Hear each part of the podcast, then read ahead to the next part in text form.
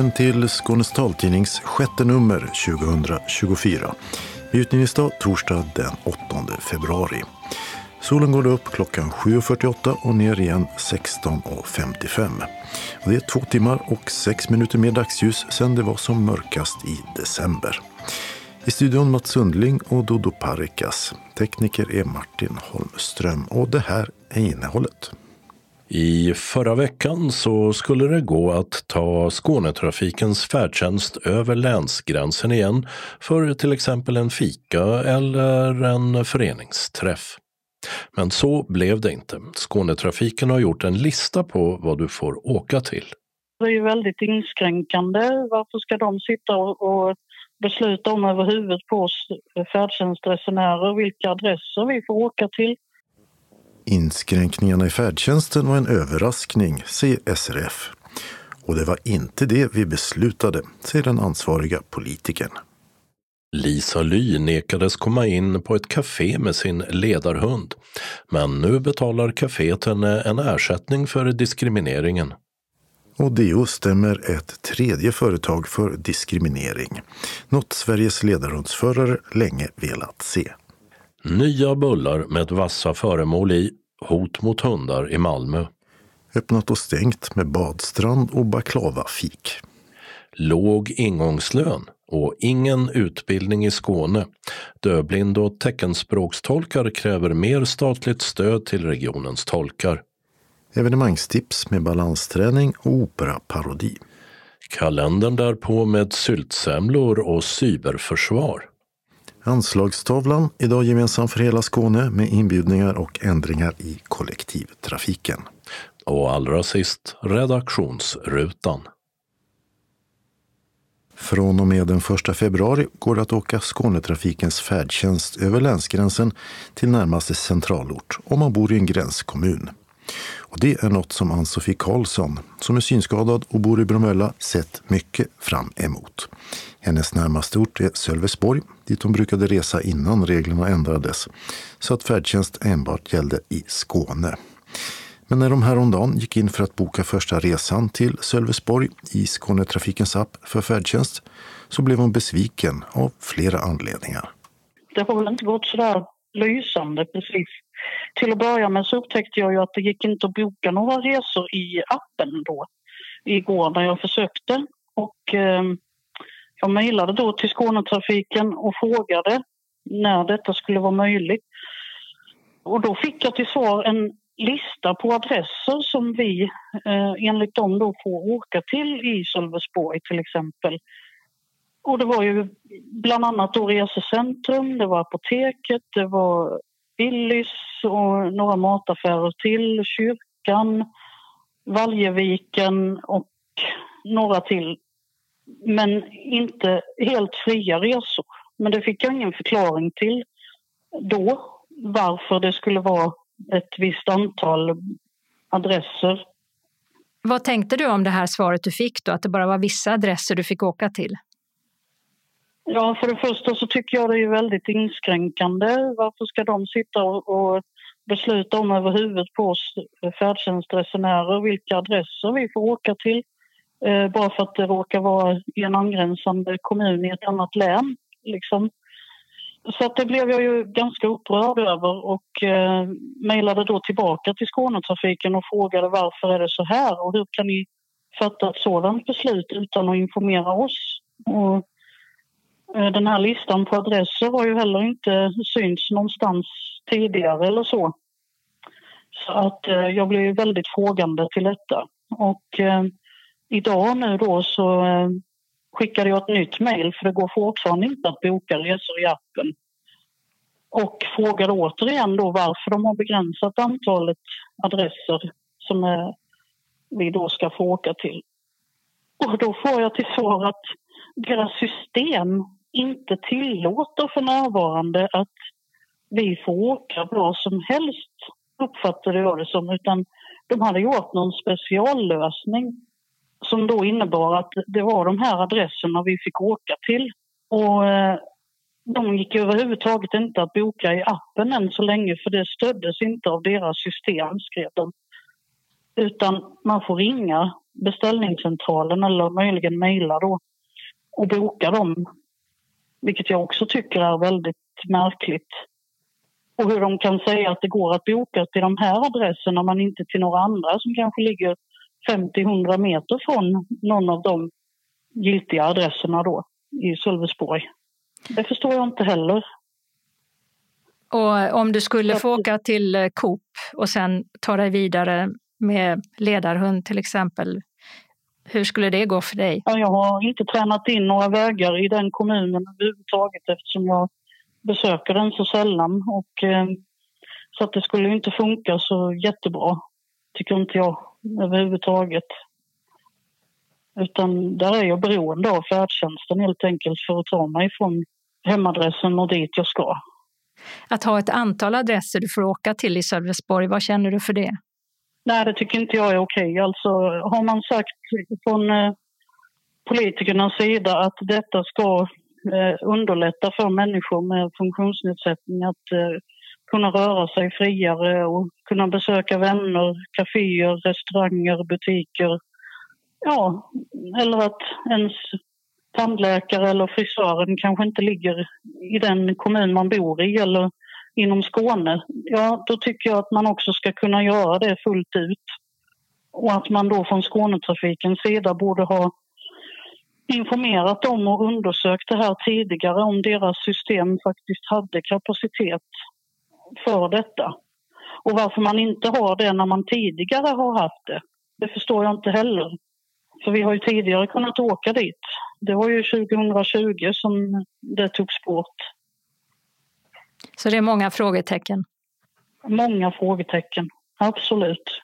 Och för att försöka få svar på de funderingar som Ann-Sofie Karlsson i Bromölla har så tog vi kontakt med Dalal Ali, platschef för färdtjänsten på Skånetrafiken, som började med att svara på varför de här resorna över länsgränsen inte går att boka i Skånetrafikens app. Den funktionen har tyvärr inte appen möjlighet att tillgodose. Så det, det är liksom systemstödet som inte riktigt eh, lever upp till eh, liksom, kundernas önskemål. Men vi har ju möjlighet att man kan ringa in till oss eller eh, skicka mejl så, så löser vi bokningen på det sättet. Och om det kommer att bli möjligt att boka sin färdtjänstresa till centralorten i angränsande kommun på andra sidan länsgränsen framöver, det kan Dalal Ali inte uttala sig om i dagsläget, säger hon. När det sen kommer till den lista som Ann-Sofie Karlsson fick mejla till sig med de platser som var valbara att åka till i Sölvesborg. Och liknande listor finns även för Älmhult, Olofström, Markaryd och Laholm med ett tiotal platser i varje ort som är möjliga att välja mellan för färdtjänstresenärerna. Så svarar Dalal Ali så här om varför det blev på det här sättet. Till skillnad från tidigare så är beslutet att det gäller en del av våra kommuners invånare som kan resa till centralort i angränsande län. Vi har tyvärr inte haft det systemstödet som gör att vi kan tillgodose utifrån beslutets förutsättningar. Därav så har vi eh, titta på vilka som är de eh, liksom, ställen som kan vara intressanta för våra resenärer att resa till. Och som ett komplement till det så finns det möjlighet att, att uh, få rekbiljetter som vi kallar det och det är resa i annan kommun. Det innebär att kunden ringer till, till kundtjänst och förmedlar att jag skulle vilja ha eh, rekbiljetter i Sölvesborg och då utfärdar vi biljetterna till vår resenär. Det enda man behöver det är just liksom lite framförhållning för att de skickas via posten då är det ju så att vi utför resan till de här utpekade platserna. Och därefter så kan man använda de här biljetterna att ta sig till det området man eh, efterfrågar i centralorten. Det låter väldigt komplicerat tycker jag. Kan man inte istället eh, bara få åka direkt till det café eller den vän som man vill åka till? Mm. Och vi, vi, har ju begränsningar i vårt nuvarande systemstöd eh, som gör att vi, den kan inte leverera utifrån beslutets liksom, eh, utformning. Därav så har vi gjort den här möjligheten för att kunna tillgodose våra kunders önskemål. Men hur har de här platserna valts ut? Som de då kan åka direkt till utan att använda extra biljetter? Det vi har gjort för att välja ut det är eh, liksom de här stora intressanta ställen som vi kunde utläsa av genom liksom kundernas tidigare önskemål.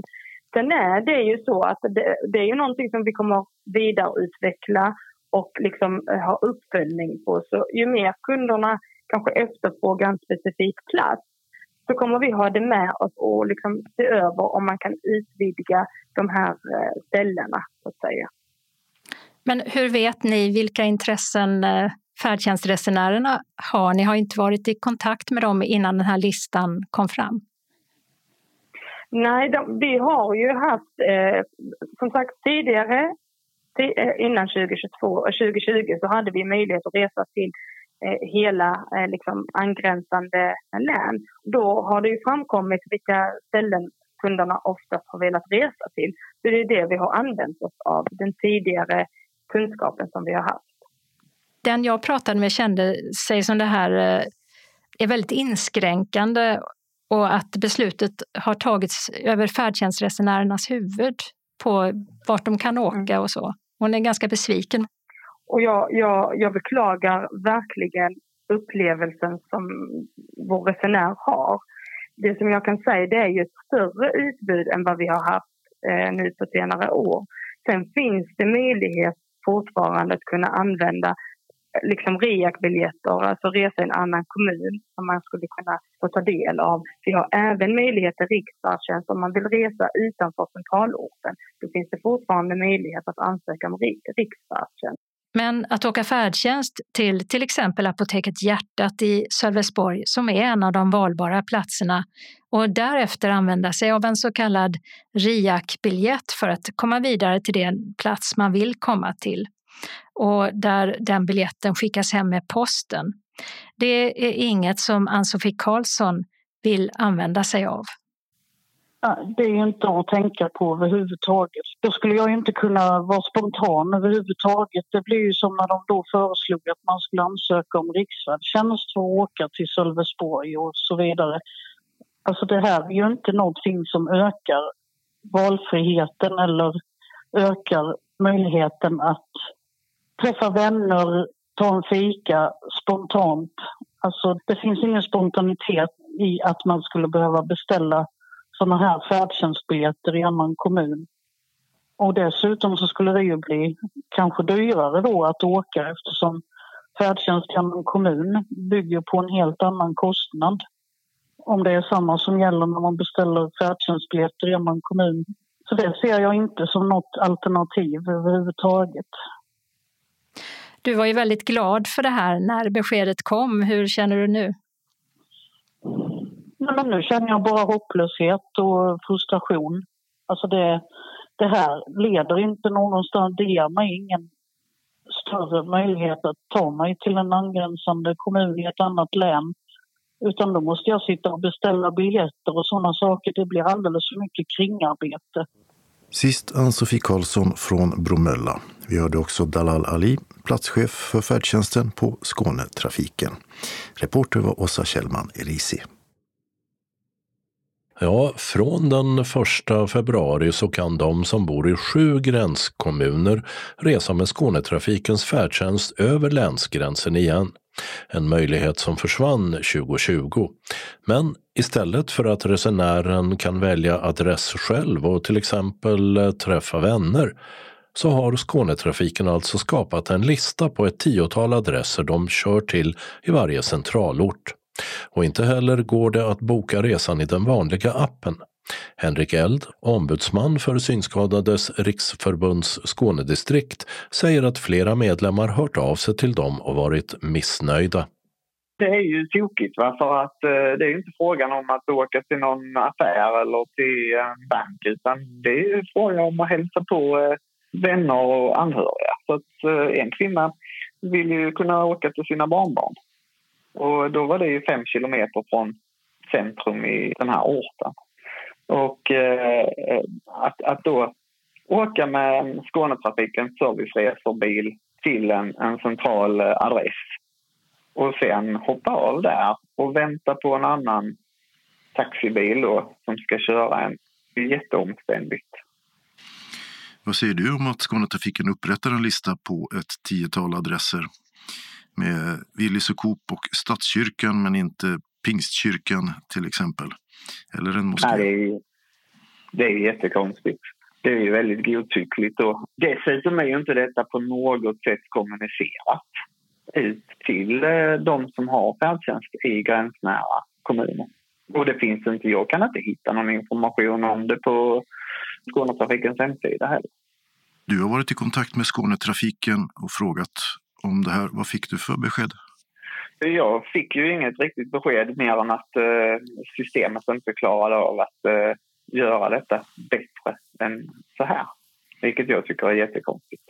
Det framgår inte heller av svaret vi fick om man har någon plan för att lösa detta och när i så fall.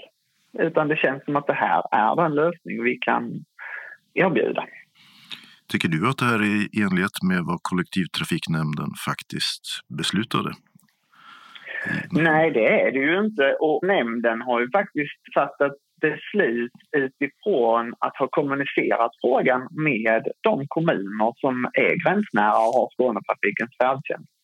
Så det är ju inte bara ett politiskt beslut från nämnden som man inte uppfyller utan det är ju faktiskt en önskan från kunderna. Alltså de här kommunerna som har lämnat över färdtjänsten till Skånetrafiken.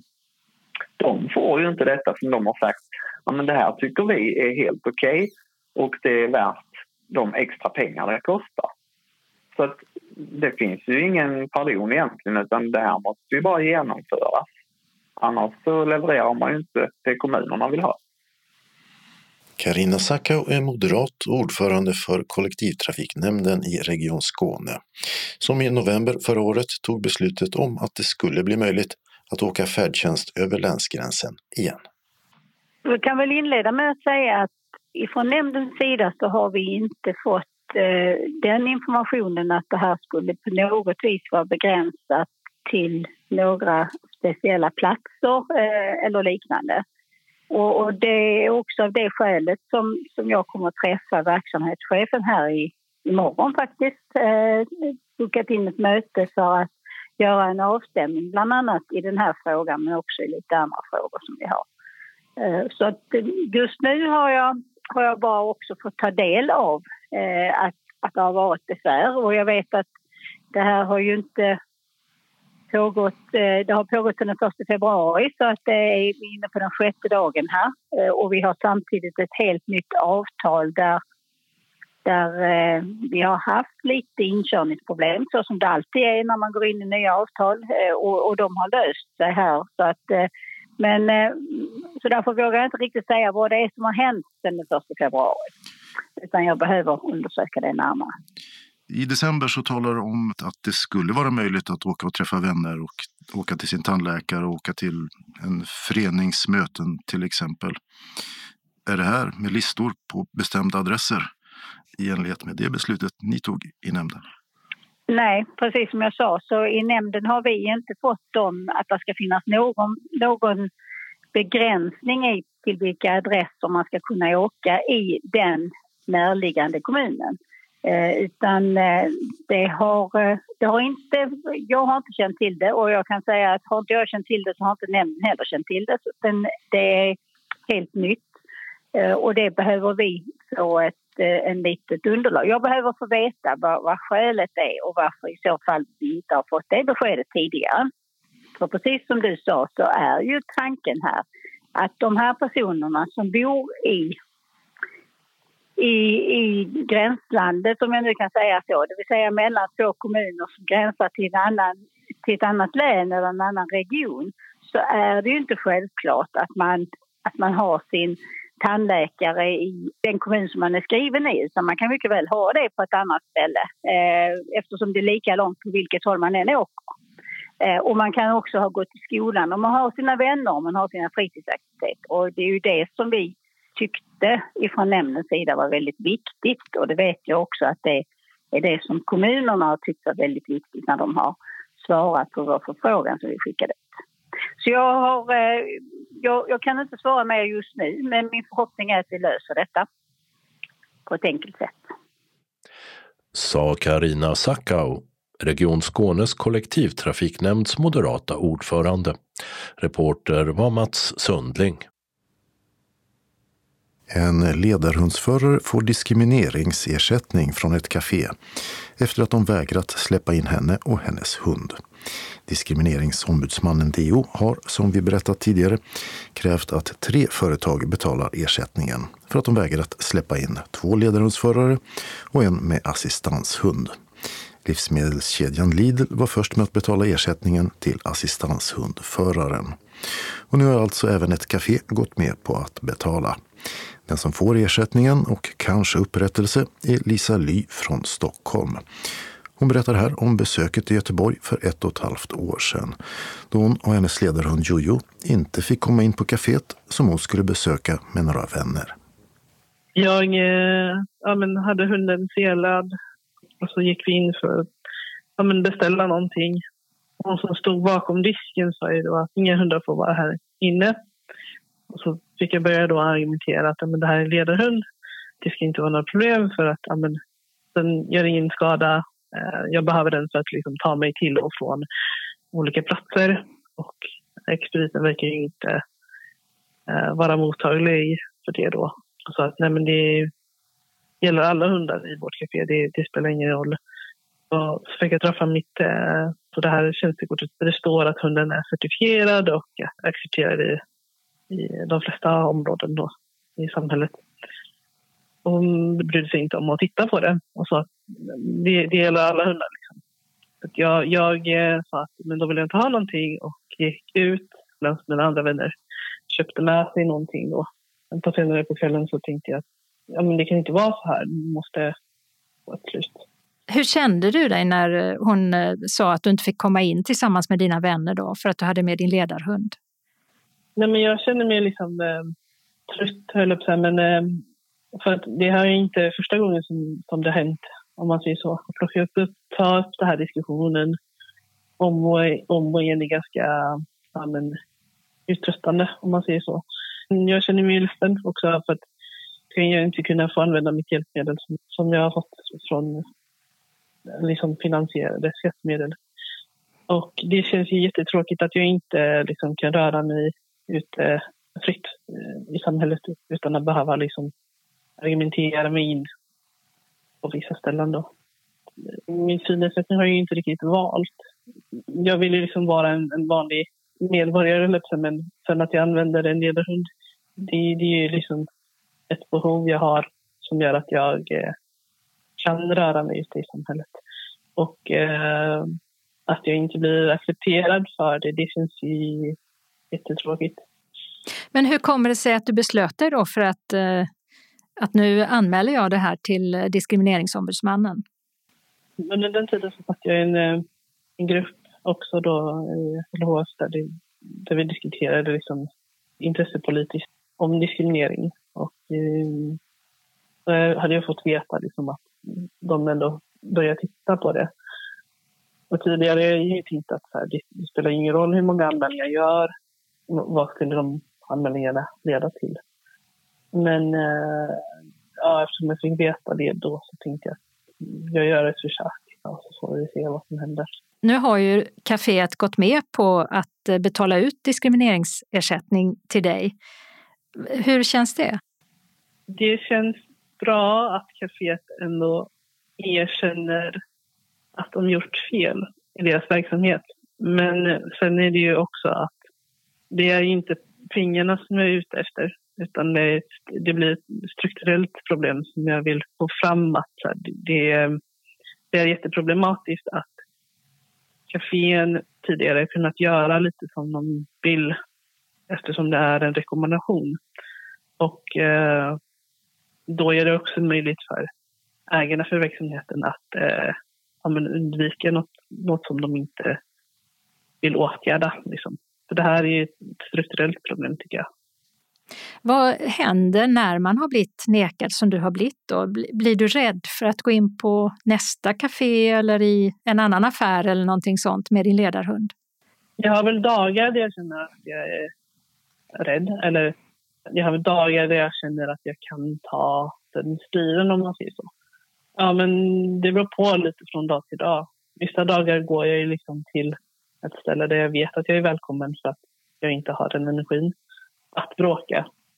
Men det händer alltså att du lämnar din ledarhund hemma för att eh, du inte orkar ta striden? Mm, ja, det har hänt. Absolut. Det sa Lisa Li, som alltså får diskrimineringsersättning från ett café i Göteborg. Reporter var Åsa Kjellman Erisi. En restaurang är det tredje företaget som Diskrimineringsombudsmannen har krävt ska betala diskrimineringsersättning och i det här fallet till ytterligare en ledarhundsförare. Men det har restaurangen inte gjort och nu har DO bestämt sig för att gå vidare och skickat in en stämningsansökan mot företaget. Sandra Danowski är processförare på DO. Jag har precis idag skickat in den till Göteborgs tingsrätt. Hur kommer det sig att du gjorde det? Eftersom den här verksamheten då inte har svarat oss så var det nästa steg. Ni har inte haft någon kontakt alls med eh, den här restaurangen som det gäller? Nej, det har vi inte. Och det har också stannat av redan tidigare i tillsynsutredningen. Hur menar du att det har stannat av då? De har ju lämnat ett initialt svar eh, men har inte besvarat kompletterande frågor. Så det var inte helt oväntat att vi inte skulle få något svar på det kravbrevet som vi skickade. Och nu är förhoppningen då att det kommer någonting svar när det ligger i tingsrätt. Och eh, vad stämmer du dem för? Ja, yrkandena i ärendet är alltså att de ska förpliktas att utge diskrimineringsersättning med 30 000 kronor. Det är själva yrkandet. Då. Och sen är det grunden för det här yrkandet är i första hand att man har utsatt den här personen då för så kallad indirekt diskriminering och i andra hand att det är diskriminering genom bristande tillgänglighet. Och vad händer i ärendet nu efter att du har skickat in det?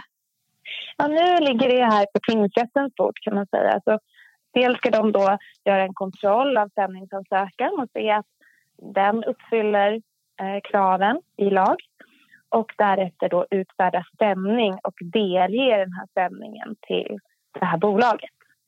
Nästa steg efter det är ju att det här bolaget då ska inkomma med svaromål och vad hoppas du ska komma ut av det här? Min förhoppning är ju att det ska komma ett svarmål och att det ska bli prövat eftersom det finns en osäkerhet vad det är som gäller i den här typen av ärenden i samhället. Och det skulle hjälpa er i ert arbete? Vi gör ju våra bedömningar. Så det är klart att det skulle kunna ge vägledning men framför allt är väl också målet att färre personer ska hindras i samhället, helt enkelt.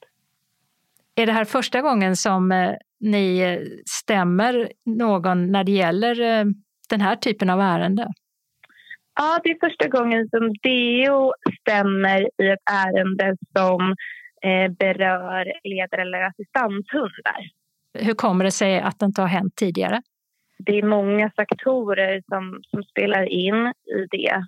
Den enklaste är att vi inte har haft ärenden som har lämpat sig för att stämma. Antingen så har det kanske varit anmälningar som av olika anledningar inte har som kunnat gå vidare till process eller då där man har framställt krav och där ersättningarna har betalats.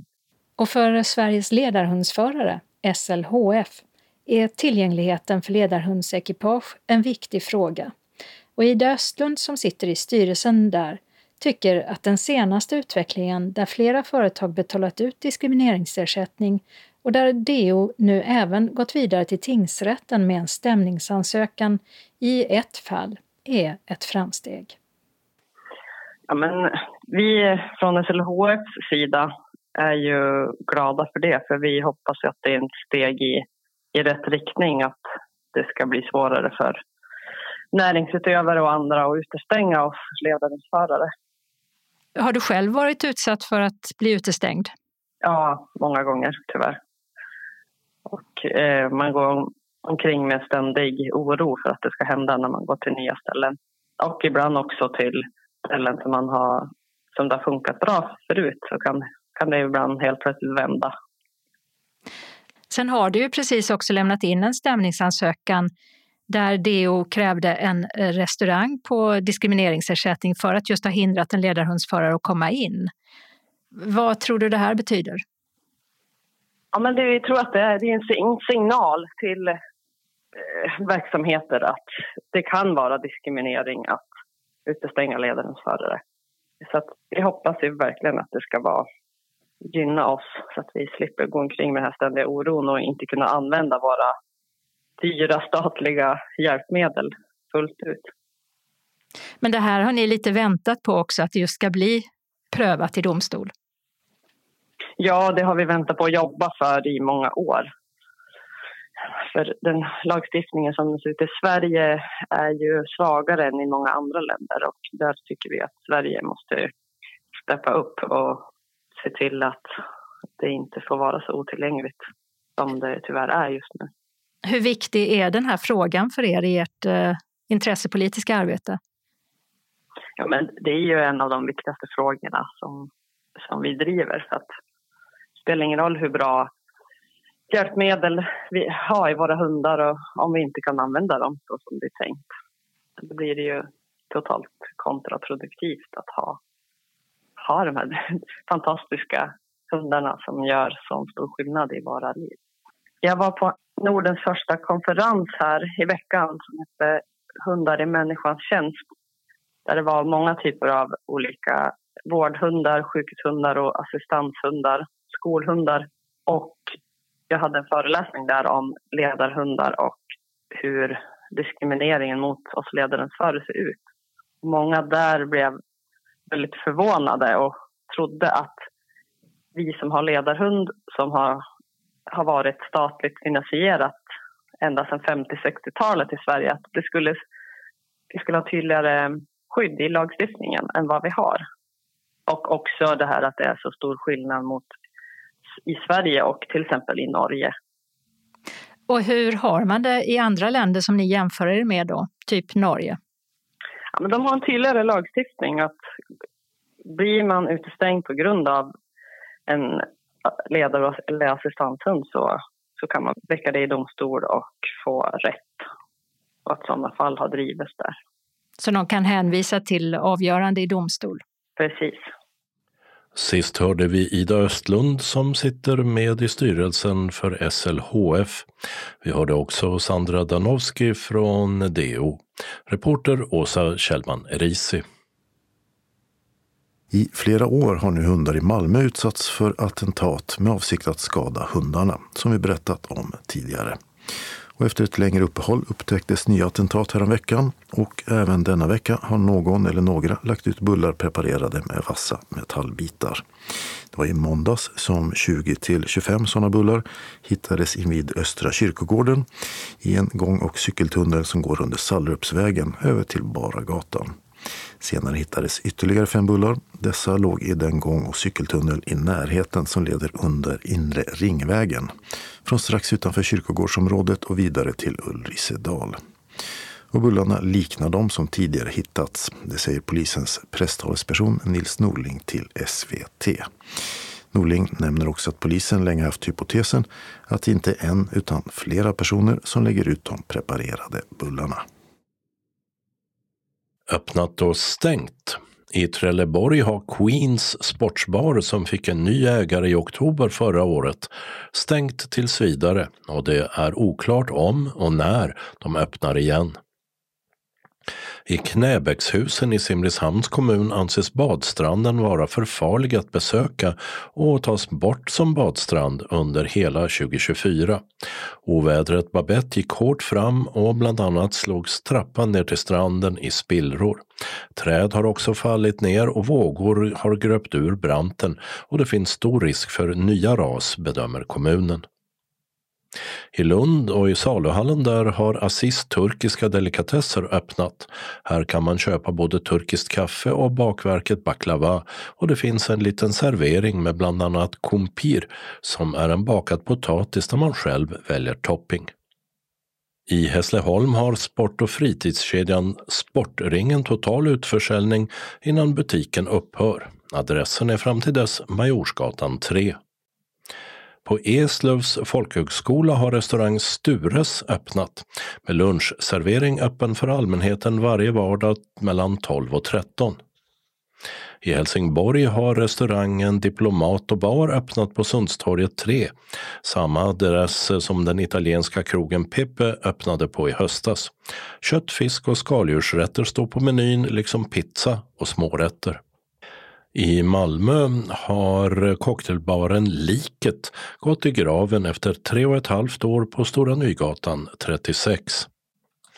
Och i Malmö har den skånska restaurangkedjan Torstens smakar mera börjat servera husmanskost i German Döner Kebabs tidigare lokal på Sankt Johannesgatan 3, alltså på Triangelns köpcentrums södra sida och med ingång även på insidan.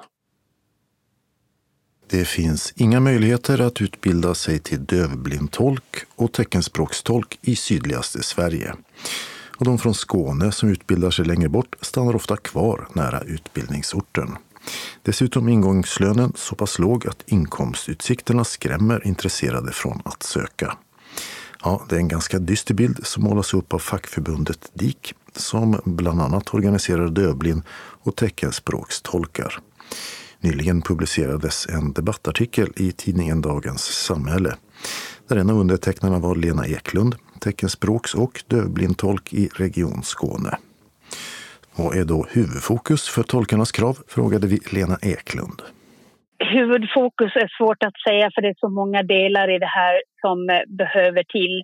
Vi har väldigt få utbildningar idag till att bli tolk för att eh, söktrycket minskade. Förr fanns det sju utbildningar, nu är det nere i tre. Så vi får ju inte ut tolkar. Så där har vi en brist på personal som vi kan få in på tolkcentralerna till exempel. Men det är också det att det saknas pengar till tolktjänsten för att man ska få upp lite skäliga löner alltså man går med förlust om man utbildar sig till tolk i tre, fyra år och sen kommer in på en ingångslön på någonstans mellan 23 och 25 000. Det kan man nästan få utan att ha gått en utbildning alls. Och jag ser att du har redan 2018 varit med och skrivit i samma frågor. Har det blivit värre? Hur ser det ut? Det har på utbildningsfronten blivit värre sedan 2018 för då fanns det fortfarande fler utbildningsorter. Så att vi har ju färre tolkar som går ut nu än vad det gjorde då. Men vi har ju ungefär samma statsbidrag till tolkverksamheten så där står det ju och stampar. Vi har haft ett flertal tolktjänstutredningar hela 2000-talet. Det har inte hänt speciellt mycket med dem heller. Det står väl still. Och eh, ni skriver att regeringen har föreslagit att regionerna ska få pengar, 41 miljoner kronor för samordning av tolktjänsterna. Men ni skriver också att det här räcker inte. Hur mycket pengar är det som skulle behövas menar ni för att det ska fungera? Ja, det har jag faktiskt inte en klar siffra på så det kan jag inte svara på. Men de här pengarna som de har lovat är just för samordning. För en del i tolktjänsteutredningen är ju att man vill ha en väg att beställa tolk. Idag beställer man tolk på tolkcentralen, till exempel i Region Skåne, när man vill ha tolk till det som vi kallar för vardagstolkning. Ganska mycket fritid och sociala sammanhang och, och eh, vård och sånt. Och sen när man ska gå utbildningar eller om företaget ska ha en fortbildning eller om man behöver ha tolk i sitt arbete så måste man vända sig till privata aktörer. Och där är det väldigt svårt att veta vem man ska kontakta i vilket fall. Och det är lite det som nu dövorganisationerna har varit mycket för att de vill ha en väg in att beställa tolk. Och vi tänker att de här pengarna är lite tänkta som det. Men vi vet inte hur de har tänkt att det ska funka i praktiken, för det har vi inte fått besked om ännu. Men det är också som du sa att det finns inte tillräckligt med utbildad personal. Det utbildas inte. Är det den eh, numera nedlagda tolkutbildningen i Skåne som behöver återupptas? För vår del i Region Skåne så ja, vi hade gärna velat ha en utbildning åtminstone i södra Sverige. För just nu ligger de tre utbildningarna som finns i Stockholm, Örebro och i Leksand och det är mittenbältet av Sverige. Och kan man få jobb nära sin utbildningsort så stannar man ju gärna kvar. Så att vi har ganska svårt att locka folk söderifrån. Vi har ju haft Önnestad som vår plantskola om man säger så. Vi har fått väldigt många därifrån vi vill ha en utbildning till södra Sverige. Ja. Men det var en nedgång i ansökningarna, därför la man ner. Har DIK och fackförbundet agerat mot just Önnestad för att det ska hända någonting? Eh, vi försöker ju prata med yrkeshögskolan i de fallen för att få dem, för det är de som har pengarna. Och eh, när söktrycket minskade för det fanns inte så många som ville bli tolkar och därför drog de ju ner. Men det var också för att de behövde lägga pengar till universitetet som startade upp en ny tolkutbildning då. Så att då skulle man smalna ner det lite så man kunde inte lägga pengar på alla de här sju folkhögskolorna som fanns då. Men vi behöver ju ha fler som söker tolkutbildningen för att den ska gå runt också. Och det kanske var svårt här i Skåne då. Men vad är receptet? Eh, information eller eh, som du sa tidigare en möjlighet till högre ingångslön. Vad skulle få folk att eh, söka till yrket? Jag tror att ingångslönen är en del i det hela. Men vi behöver också komma ut med att det här är ett fantastiskt roligt yrke jag kan säga att det är det bästa jag har gjort i mitt liv var att välja det här yrket för det är så utvecklande och roligt. Hur mycket av din tid är teckenspråk eh, för seende och hur mycket är dövblindtolkning? Det mesta är för seende teckenspråkiga. Vi har inte jättemånga dövblinda i Skåne men eh, någon gång i veckan har jag något uppdrag för dövblinda. Har du varit med om att du har behövt tacka nej till uppdrag därför att det helt enkelt inte finns tid eller att tolkcentralen har sagt nej därför att det inte finns tolkar och du vet att det här är en situation där det absolut hade behövts? Jag tror att vi klarade ungefär 95 procent av beställningarna i fjol så jag vet ju att det finns sådana som inte har fått tolk. Men där försöker vi ju verkligen se till att det inte är de där där det absolut skulle behövas. Sen vet vi också att det finns de som inte ens beställer tolk. Vården har varit lite dåliga på det till exempel. Så eh, där är vi ute och informerar mycket att de måste beställa tolk. Varför gör de inte det? En stor del tror jag är för att man tror att det kostar pengar. För det gör det ju när man beställer eh, andra språktolkar. Då är det en kostnad i det. Och för teckenspråks och dövblindtolkar så är det ingen kostnad. Vi är redan anställda av regionen så det är gratis för sjukvården att använda oss. Så där är nog ett. Och sen är det nog att ja, man tycker att det funkar ju att skriva med papper och penna och de här människorna är ju svenskar så det är klart att de kan svenska. Man räknar inte med att det är deras andra eller kanske till och med tredje språk.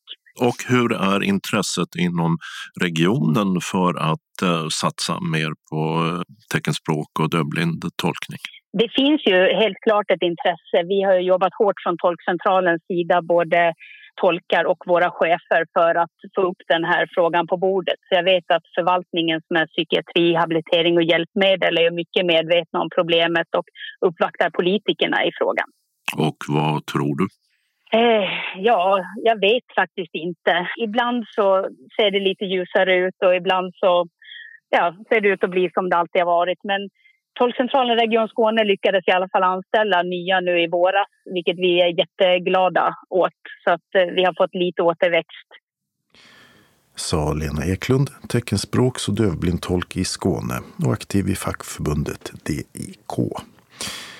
Och i debattartikeln i tidningen Dagens Samhälle underströk hon och kollegor från olika delar av landet samt DIKs förbundsordförande Anna Troberg att statsbidraget till regionernas teckenspråks och dövblindtolkverksamhet måste höjas.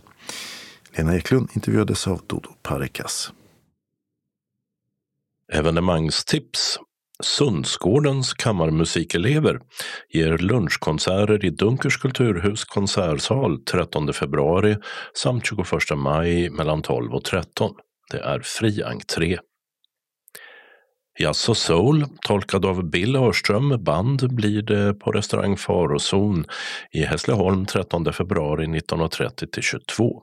Biljetter säljs i dörren konsertkvällen.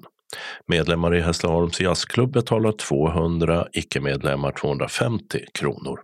Upp till 18 år är det gratis.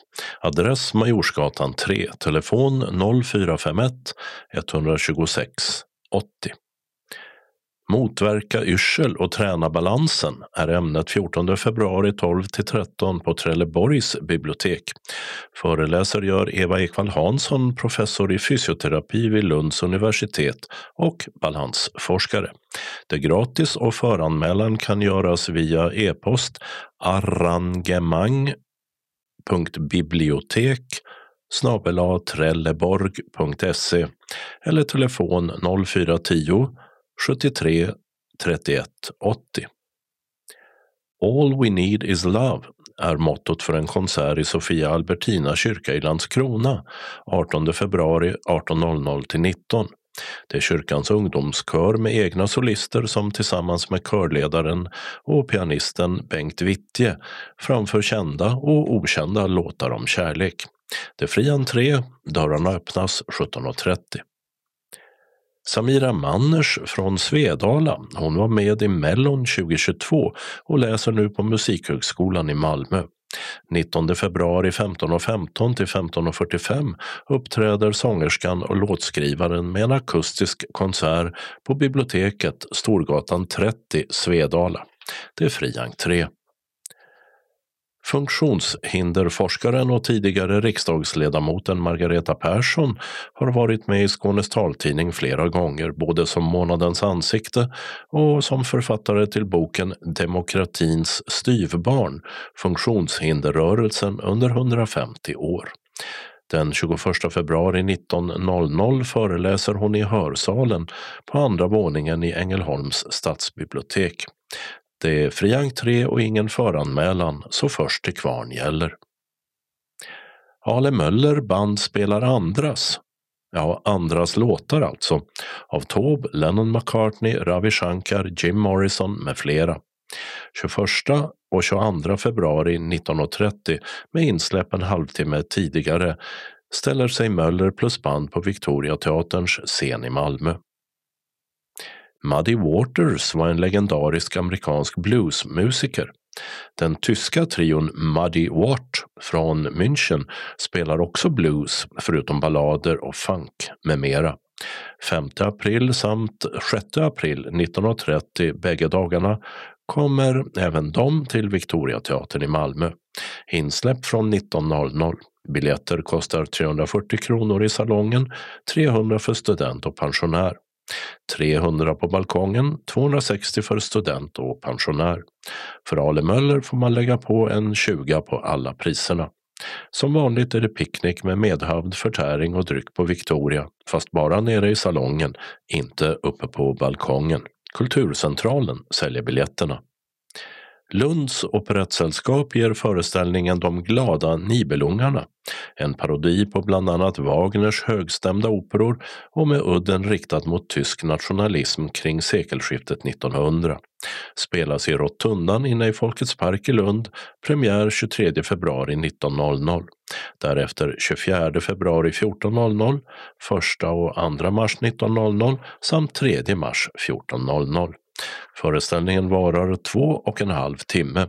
Biljetter säljs av Nortic och kostar mellan 260 och 390 kronor. Adress Falkvägen 8 eller Trollebergsvägen 58. Av Beatles originalmedlemmar finns Paul McCartney och Ringo Starr kvar i livet. Men så finns coverbandet The Cavern Beatles, uppkallat efter Liverpoolklubben The Cavern. De kommer till Kulturkvarteret i Kristianstad 24 februari 1930. Biljetter 495 kronor, även för ledsagare. På biblioteket i Hör anordnas informationskvällar om vardagsprepping 26 och 29 februari samt 5 mars 17.30 till 19. Det handlar om att vara förberedd och veta hur man ska hantera olika krissituationer. Från krig till vardagliga störningar som elavbrott, stormar, snökaos, internet som går ner och liknande. Folkmusikern och sångerskan Sofia Karlsson turnerar med stråkorkestern Musica Vitae. Hon har bland annat tolkat Dan Anderssons dikter på skivan Svarta ballader. Första stopp i Skåne 27 februari i teaterhallen Tomelilla Folkets hus. Tixter säljer biljetter dit eller ring 0417 181 90. Sedan 28 februari 18.00 Parken i Trelleborg dit Nortic säljer biljetter. 29 februari Glimåkra kyrka. För biljetter mejla kultur ostragoinge.se eller ring 0709 53 63 28. 2 mars 17.00 Humlescenen i Bromölla. Biljetter 0725 72 94 62. 6 mars Kulturhuset Sågen i Klippan. Förköp på Klippans bibliotek eller i entrén före konserten. 8 mars Kulturhuset i Perstorp. Medan biblioteket säljer biljetter. Åstorp 10 mars 16.00 Kulturhuset Björnen. Biljettinfo 042 640 00. Eslövs kyrka blir sista stopp i Skåne 12 mars då Nortic säljer biljetterna. Och överlag kostar de från 100 till 150 kronor för de över 18 eller ibland 19 år. För yngre är det gratis. Alla konserter utom de i Bromölla, Trelleborg och Åstorp börjar 19.00. Österlens trädgårdssällskap anordnar föredrag med, just det, trädgårdstema. Första tillfället har passerat men 28 februari 18.30 handlar det om fröer med tips om sådd och tillbehör.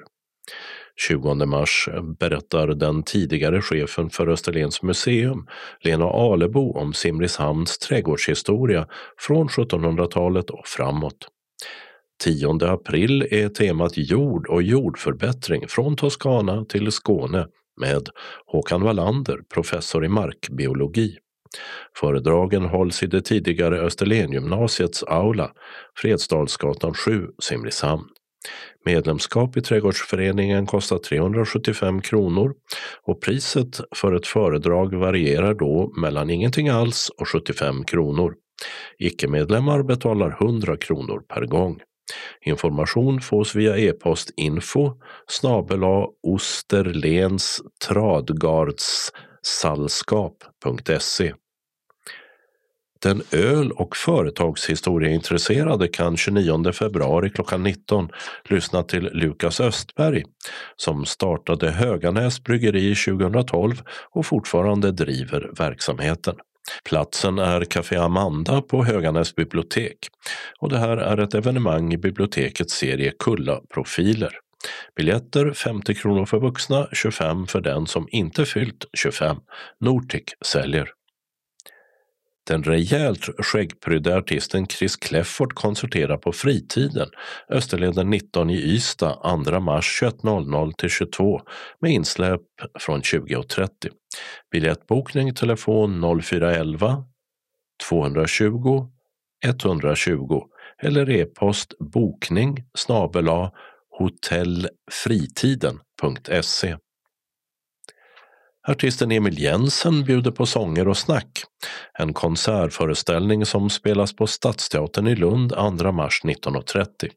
Tixter säljer biljetter som kostar 395 kronor för studerande och 450 för alla andra. Kuststaden Landskronas utmaningar i samband med klimatförändringarna är ämnet för en temakväll på Landskrona stadsbibliotek 5 mars mellan 18.30 och 19.30. Berättar gör miljöstrategen Laurent Serur och klimatsamordnare Mattias Alfredsson. Föranmälan via e-post biblioteketvuxen.program landskrona.se Bibliotekets telefon är 0418 47 35 00. Estradpoesi och Poetry Slam blir det på Grand i Malmö 6 mars och 10 april 19-22. Kvällen har tre deletapper. Först öppen scen för alla som vill läsa upp eget material. Sen läser en inbjuden poet och slutligen blir det uppläsningstävling, Poetry Slam, med publiken som jury. Det är fri entré, arrangören heter Ord på scen. Det är eh, fri entré, arrangören heter Ord på scen och restaurangen och baren Grand ligger på Monbijougatan 17 i Malmö, andra våningen, ingång via en trappa på fasaden till höger inne på gården. Musik av kompositörerna Lili Boulanger, Sofia Gobaidulina, Cecile Chamimad och Laura Netzel framförs på flöjt och piano av Amanda Salonen Ripa och Signe Olofsson på Palestra et Odeum i Lundagård torsdag 7 mars 19-20. Det är fri entré. En historisk stadsvandring från medeltid till nutid med rubrik Möt Lundakvinnor med attityd anordnas i just centrala Lund på internationella kvinnodagen 8 mars 13-14.30 samt 18-19.30. Pris 140 kronor som betalas på plats, kontant eller med Swish-appen. Samling utanför Stadshallen vid Stortorget. Stråkkvartetten Vindla från Malmö består av violinisterna Caroline Karpinska och Maria Bergström, violasten Elina Nygren och så Gerda Holmqvist på cello. 8 mars 19-21 spelar de på Landskrona teater med både klassiskt och pop på repertoaren. Tixter säljer biljetter och de kostar 100 kronor. Biljettinformation Kulturcentralen telefon 040 10 30 20.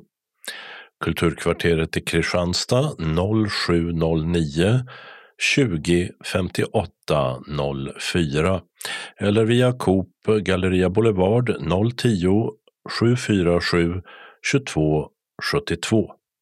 Tixter 0771 47 70 70. Nortic 0455 61 97 00. Kalendern för årets sjunde vecka börjar måndagen den 12 februari. Det är Evelina och Evi som har namnsdag och EM i brottning börjar i Bukarest i Rumänien.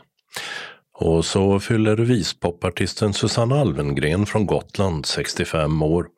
Och fortfarande är det nog många som minns och kan nynna med i den här låten från 1984.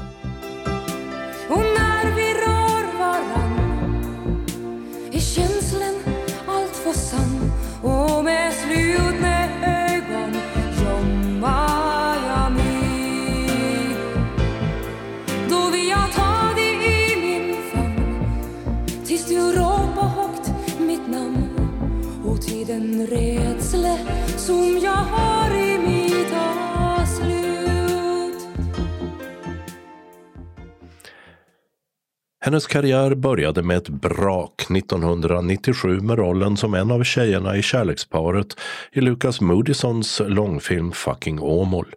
Därefter har hon bland annat förekommit i en holländsk dokusåpa, regisserat flera kortfilmer och jobbat som språktolk.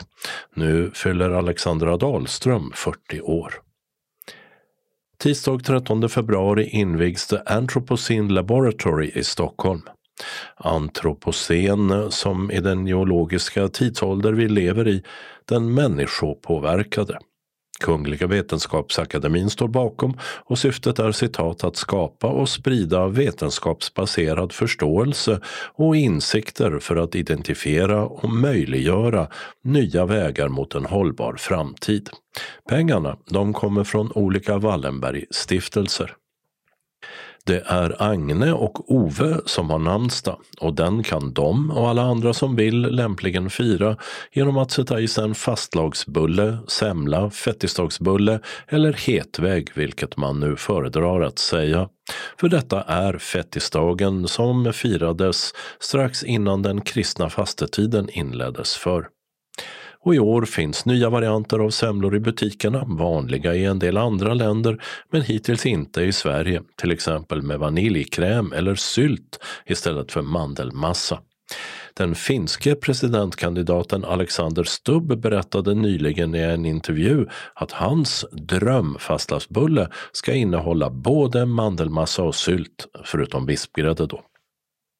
Hon har varit riksdagsledamot för dåvarande VPK, minister i flera socialdemokratiska regeringar och är för närvarande svensk EU-kommissionär med ansvar bland annat för migrationsfrågor och EUs inre säkerhet.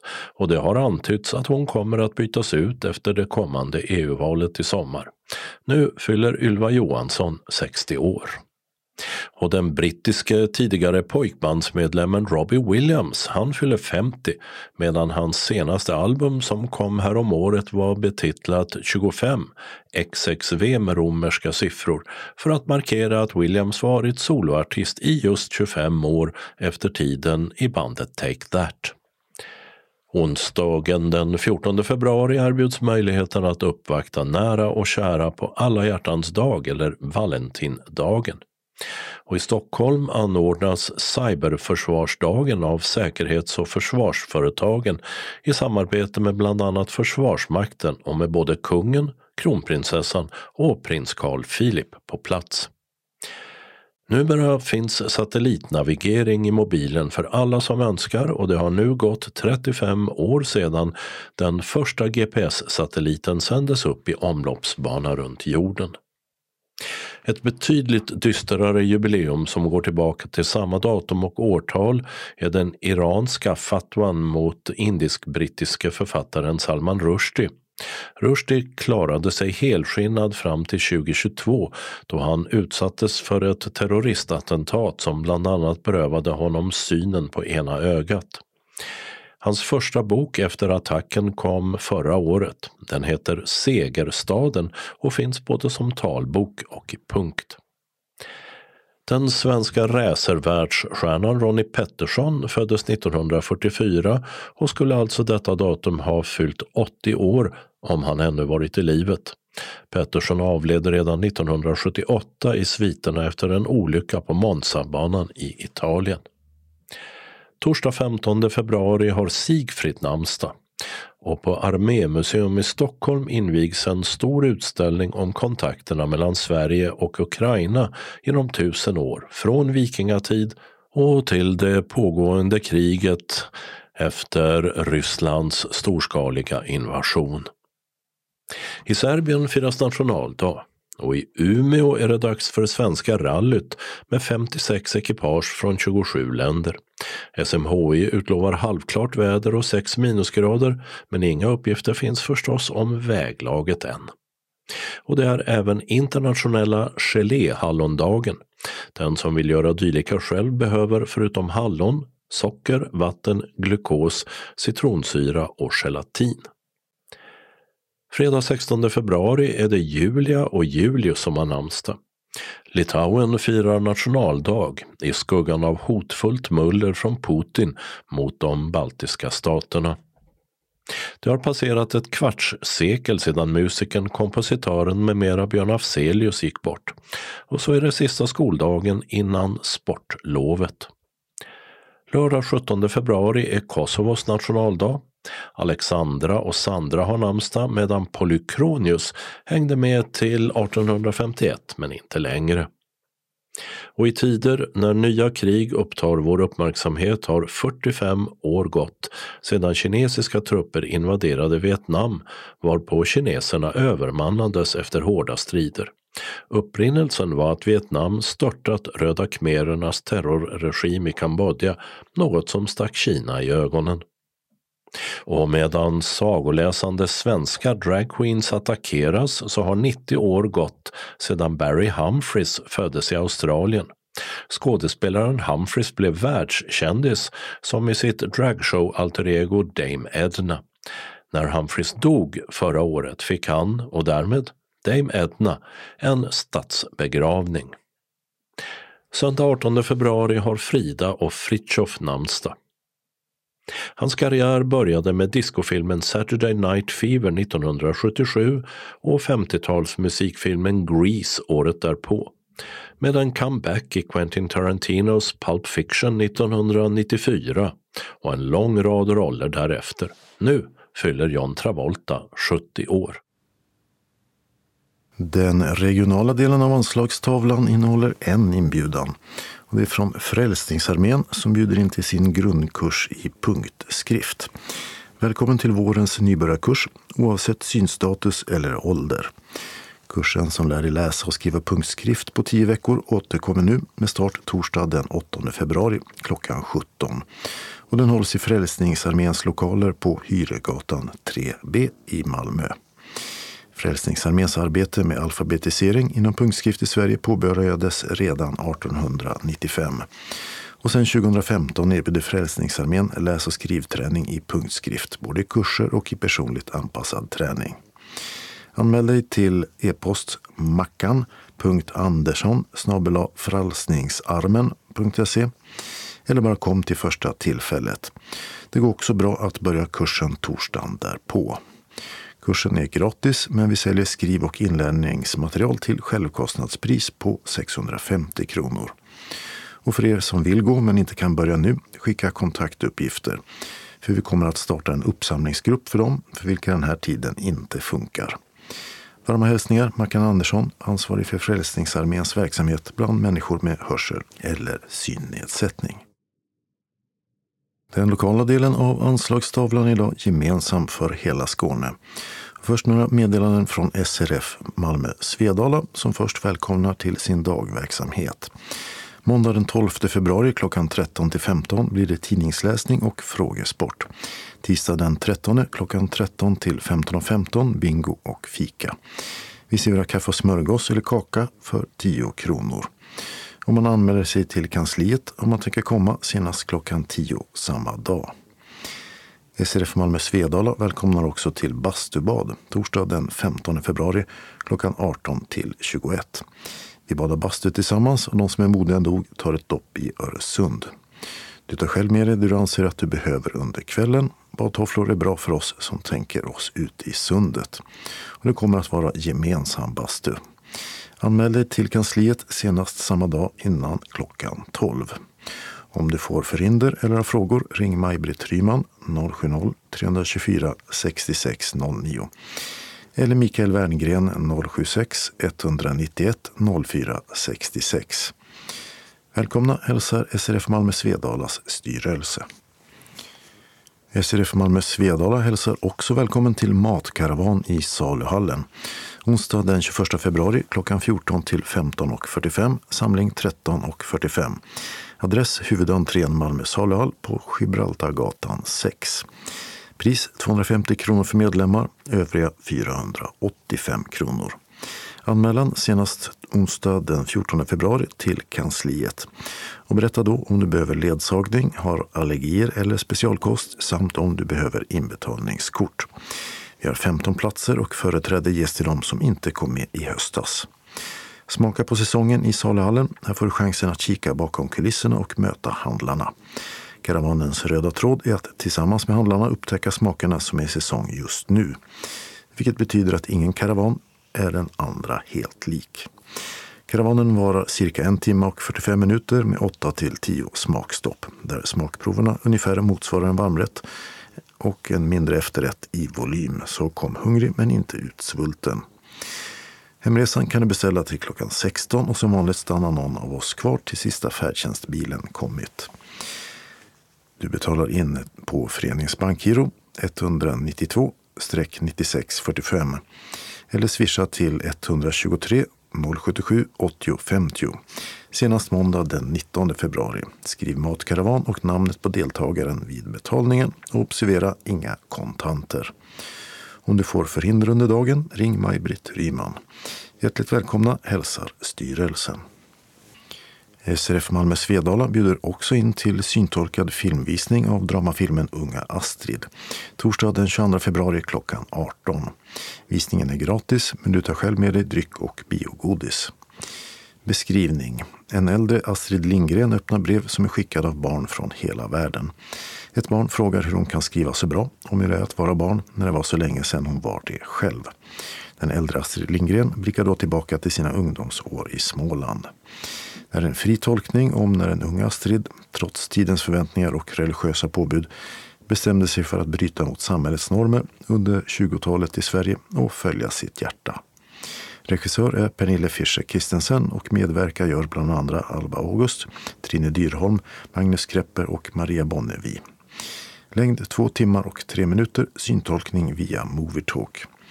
Hemresan kan du beställa till klockan 20.30 och som vanligt blir du aldrig lämnad kvar ensam. Anmäl dig till kansliet som har telefon 040-25 05 40 eller mejla info srfmalmo.se senast dagen innan filmvisningen. Skulle din bil bli försenad eller något annat inträffa ringer du Eva Öresjö på telefon 070-290 71 11 eller Mikael Werngren 076 191 04 66. Välkomna till filmvisning hälsar styrelsen för SRF Malmö Svedala. Och samma förening hälsar också att det är dags för en härlig pubkväll. Du som gillar att ta en öl eller ett glas vin i goda vänners lag är hjärtligt välkommen till vår pubkväll fredag den 23 februari klockan 18 i föreningens lokal på Vendels Fridsgatan 13 i Malmö. Vi äter en tallrik med charkost samt lite annat smått och gott. Efteråt bjuds vi även på lite snacks. Pris för medlemmar är 150 kronor, övriga betalar 200. Vin och öl finns att köpa till självkostnadspris och kan betalas kontant på plats. Anmäl dig till kansliet senast måndag den 19 februari. Meddela vid anmälan om du vill ha alkoholfri öl eller vin, om du har allergier eller specialkost och om du behöver ett inbetalningskort. Betalning sker till föreningens bankgiro eller med Swish senast onsdag den 21 februari. Glöm inte att skriva pubkväll och namnet på deltagaren vid betalningen. Välmött hälsar styrelsen. Och SRF Malmö Svedalas valberedning meddelar att lördag den 16 mars så håller föreningen sitt årsmöte och valberedningen vill gärna ha in förslag på personer som vill sitta i styrelsen under de kommande två åren. Vi behöver också förslag på intresserade medlemmar som vid två tillfällen under året kan delta vid SRF Skånes representantskapsmöten. Undrar du över något eller om du vill veta vad det innebär att sitta i styrelsen så ring gärna någon av oss i valberedningen. Välkommen med dina förslag eller frågor allra senast den 15 februari. Och du kan kontakta Kerstin Ekström 072 200 8850 eller Lars-Erik Karlsson 070 315 86 62 eller Ulla-Britt Rönnhage 070-230 04 84. SRF Ringsjöbygdens medlemmar får en påminnelse om vårt årsmöte som är den 2 mars. Tiden är klockan 12 till 15 och platsen är Karidal som ligger på Tröskevägen 2 i Eslöv. Anmälan görs senast den 19 februari till Sara på mobil 0730 856 109. Med vänlig hälsning styrelsen. SRF Västra Skåne inbjuder först till månadsmöte. Tisdag den 13 februari klockan 14 till 16.15 i SRF-lokalen i Helsingborg. Det blir sedvanliga mötesförhandlingar med nominering av kandidater till styrelsen och SRF Skånes representantskap. Till fikat serveras det semla eller fastlagsbulle.